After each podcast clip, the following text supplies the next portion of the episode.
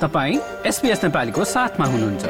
अरू रोचक सामग्रीहरूका लागि SBS dot com dot slash Nepali जानुहोस्।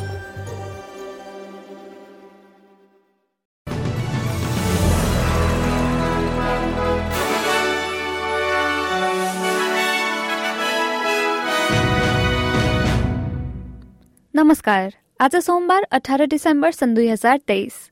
अब पालो भएको छ एसपीएस नेपालीमा आजका प्रमुख अस्ट्रेलियन समाचारहरू सुन्ने।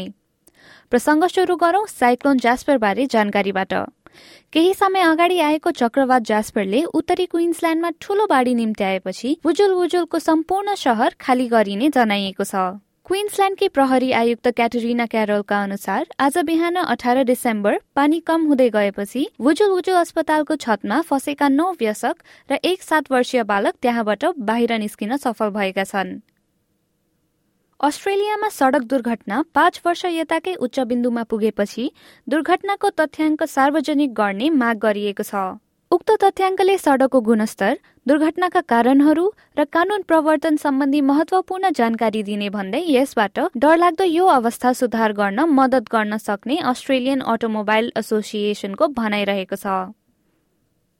भिक्टोरियन सरकारलाई सयौं विद्यालय सरसफाई गर्ने कामदारहरूलाई हालकै तलब र सुविधाहरू राख्ने सुनिश्चित गर्न अन्यथा अदालतमा जान अल्टिमेटम दिइएको छ। युनाइटेड वर्कर्स युनियनले नयाँ कामदार ठेकेदार ट्रेड फ्लेक्स र सेर्कोलाई जनवरी पन्ध्रबाट शुरू हुने सात सय भिक्टोरियन क्लिनरहरूको लागि समान कार्यतालिका र लाभहरू कायम राख्न आदेश नगरेमा सरकारमाथि कानूनी कार्यवाही गर्ने धम्की दिइएको हो।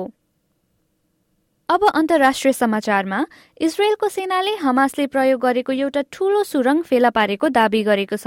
उत्तरी गाजाको जबलियाबाट निस्किने सुरङ्गको प्रवेशद्वार बालबालिकाको सुत्ने कोठामा लुकाइएको भिडियोमा देखाइएको छ।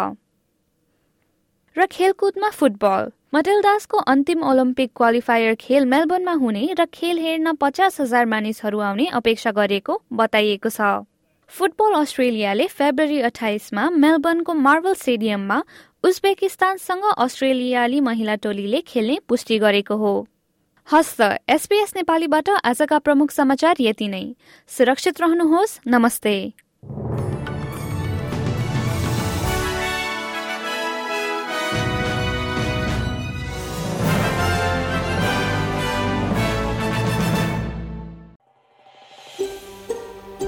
यो जस्तै अन्य प्रस्तुति सुन्न चाहनुहुन्छ?